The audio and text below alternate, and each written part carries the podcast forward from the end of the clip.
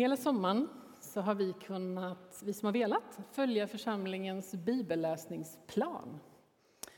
Det har varit texter som har eh, först liksom handlat om Petrus, lärjungen Petrus liv. Och så, så småningom har vi också kunnat läsa Petrus egna texter. De finns i första och andra Petrusbreven. Och nu i augusti så har förkunnelsen varit hämtad från det första kapitlet i Petrus första brev. Eh, jag kommer kasta mig lite hit och dit i det kapitlet idag. Och det kommer inte komma upp en andra bibelvers på väggen, utan jag hoppas att du har en bibel, eller kanske en app. Och slå i så fall upp första Petrus brev, första kapitel. Jag kommer också smyga in lite i kapitel 2, så du inte blir helt förvirrad. Det är ju fascinerande att få, med den kunskap som vi kan ha om lärjungen Petrus, eh, verkligen fyllt av både misslyckanden och stora uppdrag, få läsa sen vad han skriver till de första generationernas kristna. De lever under lidande och förföljelse för sin tro och övertygelse. Och det Petrus vill göra det är att liksom påminna dem och uppmuntra dem om vilka de är i Jesus, vad de har fått genom tron på honom. Han påminner dem om att de är utvalda. Han påminner dem om att de har ett hopp och ett evigt arv som väntar i himlen och att de är räddade, frälsta till ett helt nytt liv. I andra versen i det här första kapitlet i, då skriver Petrus så här. Utvalda enligt Guds, vår faders plan, helgade av Anden och bestämda till lydnad och rening i Jesu Kristi blod. Och I vers 3 och 4 fortsätter han. Välsignad är vår Herre Jesu Kristi Gud och Fader. I sin stora barmhärtighet har han fött oss på nytt till ett levande hopp genom Jesu Kristi uppståndelse från de döda till ett arv som inte kan förstöras, fläckas eller vissna och som väntar på er i himlen. Det här har de tre tidigare predikningarna handlat om och de finns på vår hemsida. Och har du missat dem så gå gärna tillbaka till dem. Till slut då så landar Petrus in i att väldigt tydligt skriva om vår nya identitet. Att vi är Guds folk. Att församlingen, alla de som följer Jesus och tagit emot honom, är det nya gudsfolket. Och här förklarar Petrus något oerhört. Att alla vi som inte är judar eller tillhör Israels folk, som ju Petrus själv gjorde. Han skriver att alla vi som förut inte var ett Guds folk, nu är det. Det som Gud tänkte för sitt ursprungsfolk, det gäller nu för församlingen, för alla som bekänner Jesus som Herre. Och smyger vi över då i kapitel 2, vers 9 och 10 där, så skriver Petrus så här. Och det här är ganska välkänt, det sjöng man när jag var liten. Ni är ett utvalt släkte, kungar och präster, ett heligt folk, Guds eget folk som ska förkunna hans storverk. Han har kallat er från mörkret till sitt underbara ljus. Ni som förut inte var ett folk är nu Guds folk. Ni som förut inte fann barmhärtighet har nu funnit barmhärtighet. Petrus säger i vers 18 att vi kom från ett meningslöst liv tänker mig att Petrus liksom ser människorna lite utströdda, lite splittrade, lite lämnade åt sitt eget öde i sin bortvändhet från Gud. Hemlösa, rotlösa, levandes ett meningslöst liv. Så kommer Jesus och säger att han är vägen till Fadern och att han gör det möjligt för alla som vill att vända sig till istället för bort. Att komma hem istället för att vara hemlös. Att bli del av ett folk och ett sammanhang istället för att vara rotlös. Att bli del av ett folk.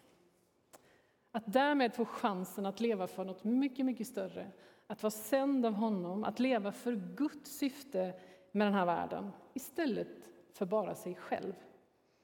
Om man som jag har växt upp med den här kunskapen och den här vissheten så blir man ganska lätt hemmablind och lite bortskämd och missnöjd kanske med hur livet ter sig. Tyngd av motgångar kan vi vara, tyngda av hur det förhåller sig med världen. Och Petrus ärende är att påminna sina läsare och också oss om vad Jesus har gjort, vad vi själva kommer ur och vad den här nya identiteten faktiskt innebär. Ni som förut inte var ett folk är nu ett folk. Paulus skriver någonting liknande, han är inne på samma spår. Han skriver till de kristna i staden Efesos i Efesierbrevet 2, vers 12-13. Kom ihåg att ni på den tiden var utan Kristus, utanför medborgarskapet i Israel, alltså Guds folk, utan del i förbunden och deras löften, utan hopp och utan Gud när ni levde i världen. Men nu, tack vare Jesus Kristus, har ni som en gång var långt borta fått komma nära genom Jesu Kristi blod. Ni som förut inte var ett folk är nu ett folk. Ni som en gång var långt borta har nu kommit nära. Så vad betyder det då, den här nya identiteten? Det är inte bara liksom ett visitkort där vi kan skryta med att vi är Guds folk. Vad betyder det att ha fått komma hem? Vad betyder det att ha fått en tillhörighet, mening och sammanhang? I vers 15 i det här första kapitlet skriver Petrus Lev ett alltigenom heligt liv, liksom han som har kallat er är helig. Alltså, precis som Gud är helig. Härma honom, ta rygg på honom, följ Jesus, bli och gör som han. Var som den som har utvalt er, som den som har fört er hem. Vår nya identitet, vår nya hemvist, vår liksom utgångspunkt, vår plattform, den har vi fått hos Gud och vi bjuds in att bli som honom. För att Gud är den han är och för att Jesus har gjort det han har gjort. Vi kommer inte hem och allt fortsätter som innan. Vi får leva med honom och där likna honom allt mer när vi låter honom forma oss. Tanken är ett folk som faktiskt är annorlunda. Nu är det fina att det här sker i ett förunderligt samarbete med Gud själv. Den helige Ande verkar i oss samtidigt som vi inbjuds att medverka och faktiskt röra oss i den riktningen och uppmanas att se till att det händer.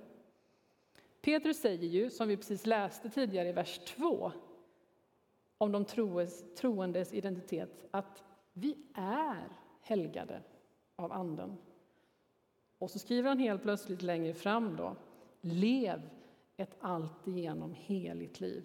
Och vers 16, det står ju skrivet, ni skall vara heliga, liksom han som har kallat er är helig. Det är alltså både något som har skett i deras liv, i våra liv, och någonting som vi ska se till att det sker. Vi är helgade av Anden. Det här predikade Niklas Bjärnhagen om för tre veckor sedan när han inledde. Lyssna på det. Han sa bland annat så här bra. Om måttstocken för att vara helig är det liv som Jesus levde kan vi nog känna oss otillräckliga. Vem kan leva upp till ett sådant liv? Då kan det vara befriande att tänka att det inte i första hand är mitt verk utan Guds verk i mig. Ni är helgade av Anden. Det är Anden som verkar och gör oss heliga. Och det handlar framför allt om att göra dem till vad de redan är. Någonting av det viktigaste som finns att säga om människan står i Bibelns första kapitel, i skapelseberättelsen, när det heter att Gud skapade människan till sin avbild. Vi är skapade lika Gud och helgelse handlar då om att ta bort det i våra liv som förstör likheten så att avbilden mer och mer får framträda hos oss. Det, kan, det kanske kan hjälpa oss att sänka axlarna lite om vi tänker att helgelse inte i första hand handlar om att lägga till en massa och prestera mer, utan om att skala bort så att jag får fler fria ytor där Gud kan möta mig och forma mitt liv. Så att jag får fler fria ytor där Gud kan möta mig och forma mitt liv. Guds syfte är att forma sitt folk, sin församling till en spegelbild av hans helighet och kärlek. Det sker genom Anden. Och samtidigt uppmanas vi att gå och handla i den riktningen. Tre saker i det här kapitlet som Guds folk uppmanas till. För det första, vi uppmanas till lydnad.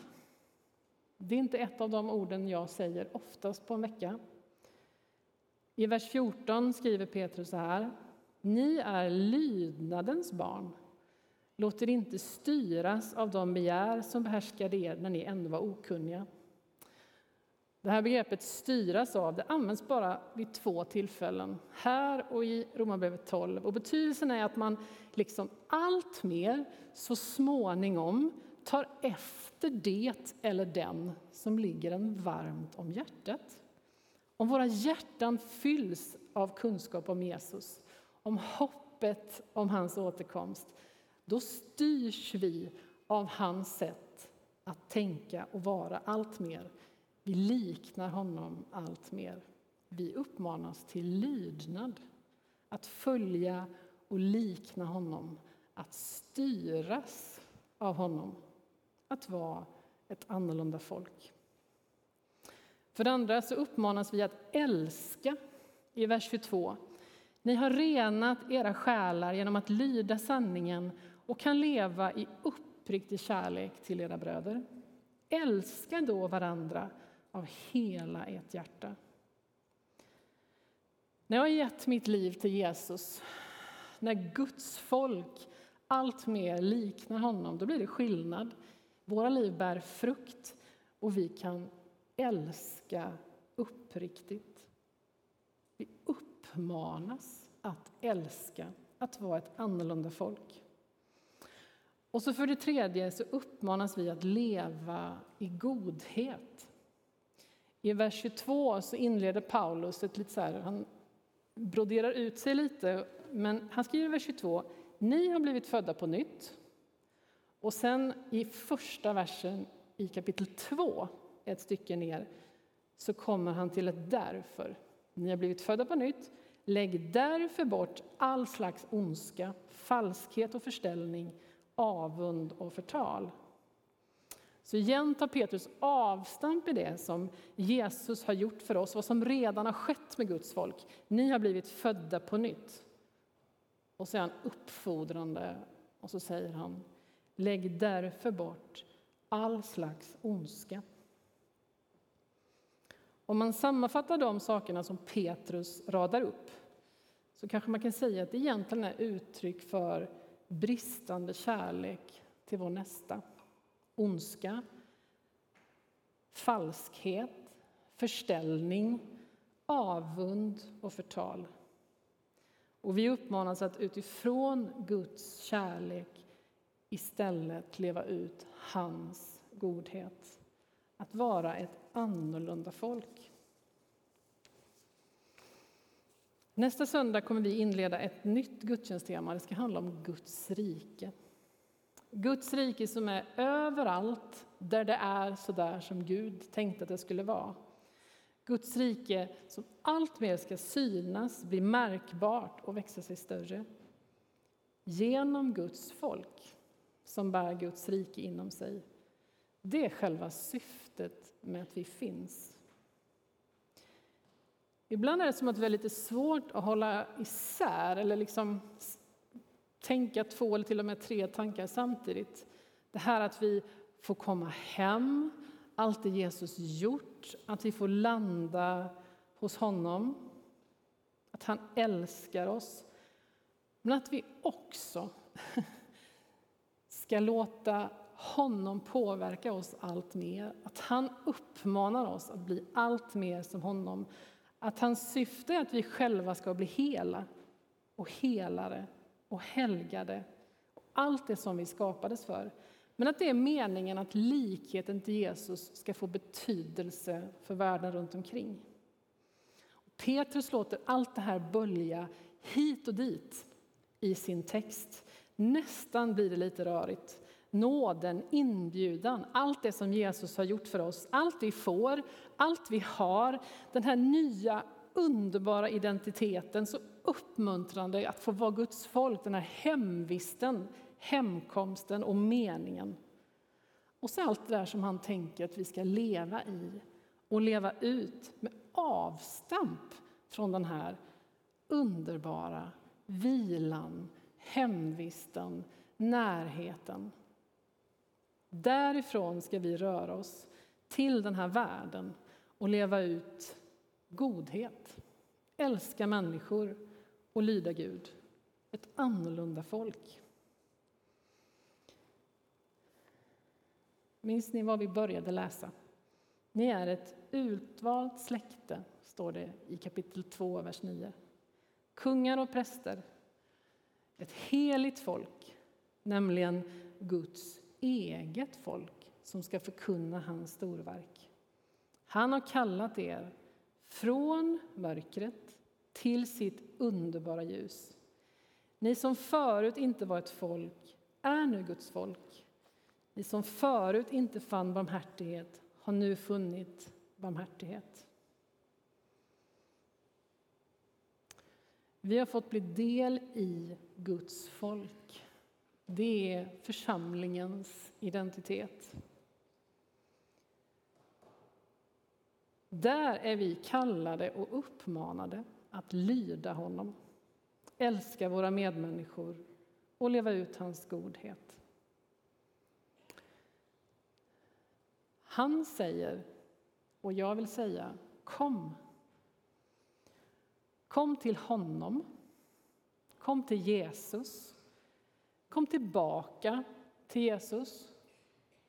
Kom närmare Jesus. I honom finns nämligen allt och i honom består allt i evighet. Han har gjort en väg för varenda människa, också för mig och för dig, för alla oss. Och vi kan liksom till hundra procent få leva i allt det han har gjort för oss. Vi Kan vila i det hundra procent, kan glädjas över det till hundra procent, förundras, vara tacksamma till hundra procent, fullt ut, hur länge som helst, njuta av att vara i hans närhet. Och så kan vi också låta hans liv påverka oss och förvandla oss till hundra procent. Allt mer lyda, allt mer älska, allt mer leva ut godhet. Följa honom, likna honom hundra procent. Och det är för att den här världen ska se vem han är. Det är så att det här Gudsriket ska bli synligt allt mer. Kom, låt oss be. Tackar dig, Jesus, för att du har gjort det möjligt komma med allt vårt mörker och elände och synd och skam till dig. Tack att du till hundra procent tar emot oss. Varenda dag, vartenda tillfälle, varje gång som vi behöver det. Tack att du tänker om oss att vi ska vara ditt folk när vi börjar följa dig. Tack för att du tänker att vi ska visa den här världen hurdan du är. Din helighet, din godhet, din kärlek. Du kallar oss att lyda dig så att det kan ske. Du kallar oss att älska människor så att det går att begripa hurdan du är. Du kallar oss att lämna ondskan bakom oss. Alla de här uttrycken för bristande kärlek till vår nästa. Att sluta förställa oss, att sluta förtala, att sluta vara avundsjuka och istället leva ut och leva i godhet. Tack att du just nu vet precis hur vi har det var och en. Att du drar oss till dig. Tar emot vår längtan, du tar emot våra tillkortakommanden. Du, du bara säger kom. Tack att vi får vara med dig och hos dig. Amen.